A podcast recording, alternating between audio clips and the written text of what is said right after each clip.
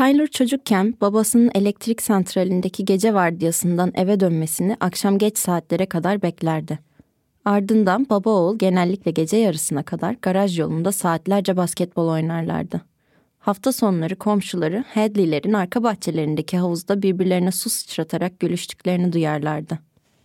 Ailesinin bir zamanlar rüya gibi olan hayatlarına geri dönmek için gösterdikleri onca çabaya rağmen hiçbir şey değişmedi. Tyler asi, yıpratıcı ve yıkıcı davranmaya devam etti. Ailesinin ona uygulamaya çalıştığı disiplini sadece zalimce bir cezadan ibaret görüyordu. Her şey onu daha da öfkelendiriyordu.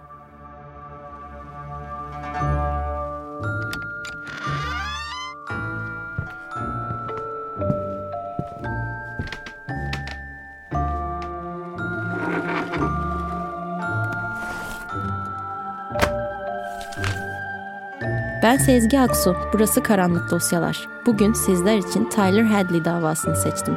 Ne dersiniz? Hazırsanız başlayalım mı?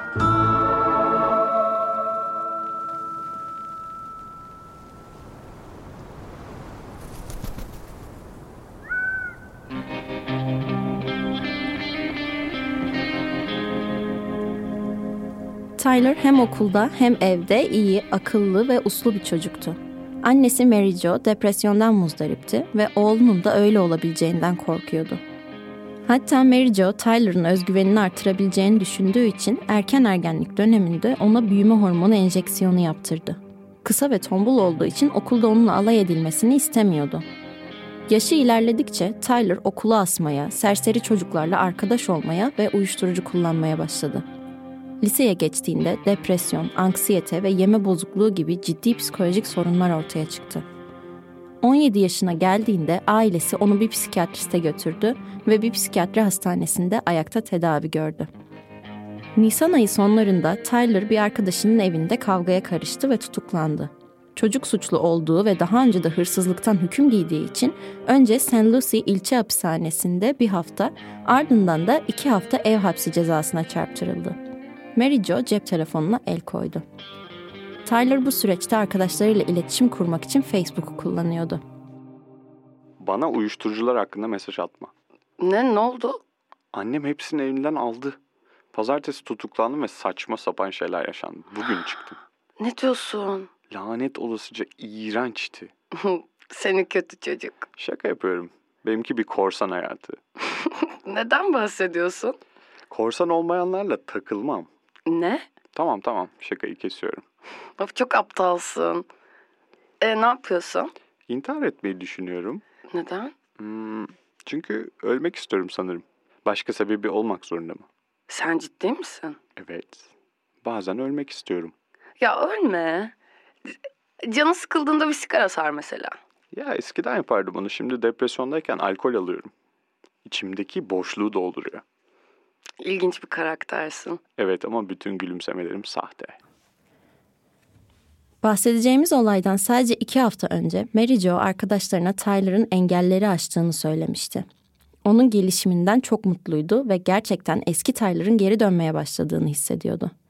Bir iş arkadaşı Mary Jo'ya Tyler'ın ona zarar verebileceğinden endişe edip etmediğini sordu. Mary Jo yalnızca Tyler'ın kendine zarar verebileceğinden endişe ettiğini söyledi. Haziran 2011'de Tyler'ın abisi Ryan, üniversite için Kuzey Carolina'ya taşındı. Tyler, Temmuz'un ilk haftalarında arkadaşlarına parti vereceğini söyledi ama kimse ona inanmadı. Daha önce hiç parti vermemişti ve son zamanlarda ona karşı giderek katılaşan ailesinin buna izin vereceklerine inanmak imkansızdı. Arkadaşları partiyi sorduğunda üzerinde çalışıyorum diye yanıtladı. 16 Temmuz öğlen 13.15'te Tyler Facebook duvarında bir gönderi paylaştı. Bu gece evimde parti var. Belki. Akşam 8.15'te tekrar paylaşım yaptı. Evimde parti var. Yine arkadaşları inanmamıştı. Ashley Hayes ya annen baban eve gelirse diye ona mesaj attı. Gelmeyecekler diye yanıtladı Tyler. Güven bana. Tyler ilk resmi duyurusunu yaptıktan sonra yerel bir ATM'ye gitti ve ailesinin hesabından 5000 dolar çekti. Ardından bazı yakın arkadaşlarını yanına aldı ve hep birlikte eve döndüler. Parti daha yeni başlıyordu ki Mike Young yaklaşık 10 arkadaşıyla birlikte saat 23.30 civarında eve geldi. Popüler, atletik bir genç olan Mike ev sahibi Tyler'ı yalnızca görmüştü. Resmi olarak tanışmıyorlardı. Tyler okulda dışlanmış biriydi. Okuldaki birçok kişi onunla hiç konuşmamıştı. Çok çekingen bir çocuktu ve popüler öğrenciler onun oldukça soğuk ve tuhaf birisi olduğunu düşünüyorlardı. Tyler'ın arkadaşları esrarkeş, çocuk suçlu ve hapçı olarak tanınan insanlardan oluşmaktaydı ve Mike'ın ilişki kurmaktan hoşlandığı türden çocuklar değillerdi. Tyler kalabalıkların ilgisini severdi. Hatta bir keresinde biyoloji dersinin ortasında inek gibi yüksek sesle möğlemeye başlamıştı. Ama ılık bir yaz akşamıydı ve Port St. Lucy'de yapacak hiçbir şey yoktu. Bu yeni bir şey değildi. Port St. Lucy'de genelde hiçbir zaman yapacak bir şey olmazdı. Havada esrar kokusunu almadan bir partiye gitmeniz mümkün değildi. Şehirde suç oranı yüksekti ve bu suçların çoğu gençler tarafından işleniyordu. Mike ve arkadaşlarına kapıyı Tyler açtı. Uzun siyah bir tişört, siyah Dickies ve siyah Nike Air Force spor ayakkabı giymişti. Endişeli görünüyordu ya da uyuşturucu etkisindeydi, belki ikisi de. Göz bebekleri irileşmişti ve ellerini birbirine sürtüp duruyordu. Gergin bir şekilde yumruklarını sıkıyordu. Tyler onlara Millet, içeride kimsenin sigara içmesini istemiyorum. Burası aile evi ona göre. dedi. Çok geçmeden evdeki kişi sayısı 60'a çıktı. Çoğunun Tyler'ın kim olduğu hakkında hiçbir fikri yoktu. Kendilerini kanepelerin üzerine attılar. Yemek masasında bira oyunları oynadılar. Mutfak dolaplarında yiyecek aradılar ve boş şişeleri çimenlere fırlattılar. Oturma odasında şişeler yerlere düşüp paramparça olmuştu. Sigaralar halıda, mutfak tezgahında, duvarda söndürülüyordu. Ancak Tyler evin yıkılmasından daha çok gürültüyle ilgileniyor gibiydi. Komşular alarma geçerse polisi arayabilirlerdi. Mike kanepede kızlarla konuşurken yanına paten kayan sarhoş bir çocuk geldi. Ölü insan kokusu alıyorum dedi patencik kıkırdayarak. Mike yukarı baktı. Bu ne anlama geliyor? Aa bilmiyorum. Bazı insanlar sigara içiyor hepsi bu. Tamam dostum her neyse. Patenci gülerek uzaklaştı. Bir pong masasının etrafında büyük bir kalabalık toplanmıştı. Masa aile bilgisayarının hemen yanındaydı. Çocuklar sırayla bilgisayardan şarkılar açıyordu. Mike Wiz Khalifa'nın No Sleep şarkısını açarken dikkatini çeken bir şey oldu. Bilgisayarın olduğu yer evin geri kalanından bile daha kirliydi. Beyaz klavyesinde kahverengimsi kurumuş bir sıvı vardı. Büyük ihtimalle bira ya da kola lekesiydi. Kimse çok yakından bakmadı. O sırada insanlar Tyler'a ailesinin nerede olduğunu sormaya devam ediyorlardı. Kimilerine Georgia'ya, kimilerine ise Orlando'ya gittiklerini söylüyordu. Hatta bazılarına burada yaşamıyorlar burası benim evim demişti. Bundan iki hafta önce Marky'nin evinde takılırken Tyler bir konuşmanın ortasında ailesini öldürmek ve ardından büyük bir parti vermek istediğini söylemişti. Daha önce cesetler hala evdeyken parti veren olmamıştır. Marky Tyler'ın şaka yaptığını düşündü. Zaten ailesini öldürmekten bahsettiğinde Tyler'ı kimse ciddiye almazdı. Hatta Port St. Lucie Lisesi'nde 3. sınıf öğrencisi olan 17 yaşındaki arkadaşı Matthew Nobile parti sabahı 9.40'da Tyler'la şu konuşmayı yaptı. Hallettin mi? Hayır ama halledeceğim. Yemin et. Gerçekten yapacaksan şimdi yap tam sırası. Yap ama. Tamam merak etme yapacağım. Sonrasında da parti vereceğiz. Parti zamanı. Süper. Gece yarısı olduğunda Hadley evinde 100 kişi vardı. Sophie adında siyah bir labrador ve yaşlı kısmen sağır ve kör bir beagle köpek de evdeydi. Sophie gören olmamıştı ancak Beagle abi Ryan'ın odasında saklanıyordu.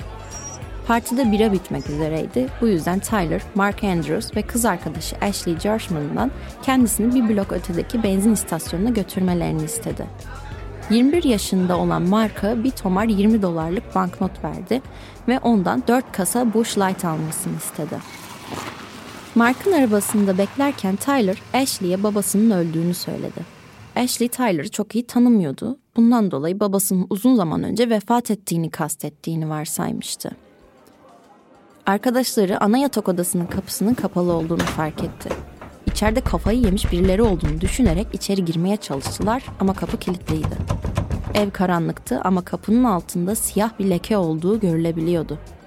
Leke birinin başarısız bir şekilde silmeye çalıştığı yağ bazlı bir boyaya benziyordu. Üniversiteli bir futbolcu olan Justin Wright saat 1.15'te partiye geldi. İlk fark ettiği şey kokuydu. Etraf çok uzun süre beklemiş terli giysiler gibi kokuyordu. Justin Tyler'a herhangi bir ev kuralı olup olmadığını sordu. Tyler ona ne isterse yapabileceğini söyledi. Justin beer pong oynarken top yere düştü ve masanın altında yuvarlandı. Burada yapışkan, kalın ve kahverengi bir maddeye denk gelip üzerinde durdu. Justin bundan iğrenmişti ama fazla düşünmedi. Topu mutfak lavabosunda duruladı sonra oyuna devam etti. Tyler dışarıda partiden çıkanlarla konuşuyordu. Bizi misafir ettiğin için teşekkürler bro. Ya aynen sadece gitmeden önce eğlenceli bir şeyler yapmak istedim. Nereye gidiyorsun? Kendimi öldüreceğim. Ne alaka ya? Çünkü gerçekten kötü bir şey yaptım. Ne yaptın ki? Ya sana şöyle diyeyim. Yakalanırsam uzun süre hapiste kalacağım. Böyle bir 60 yıl falan. Neden? Birazdan öğrenirsin.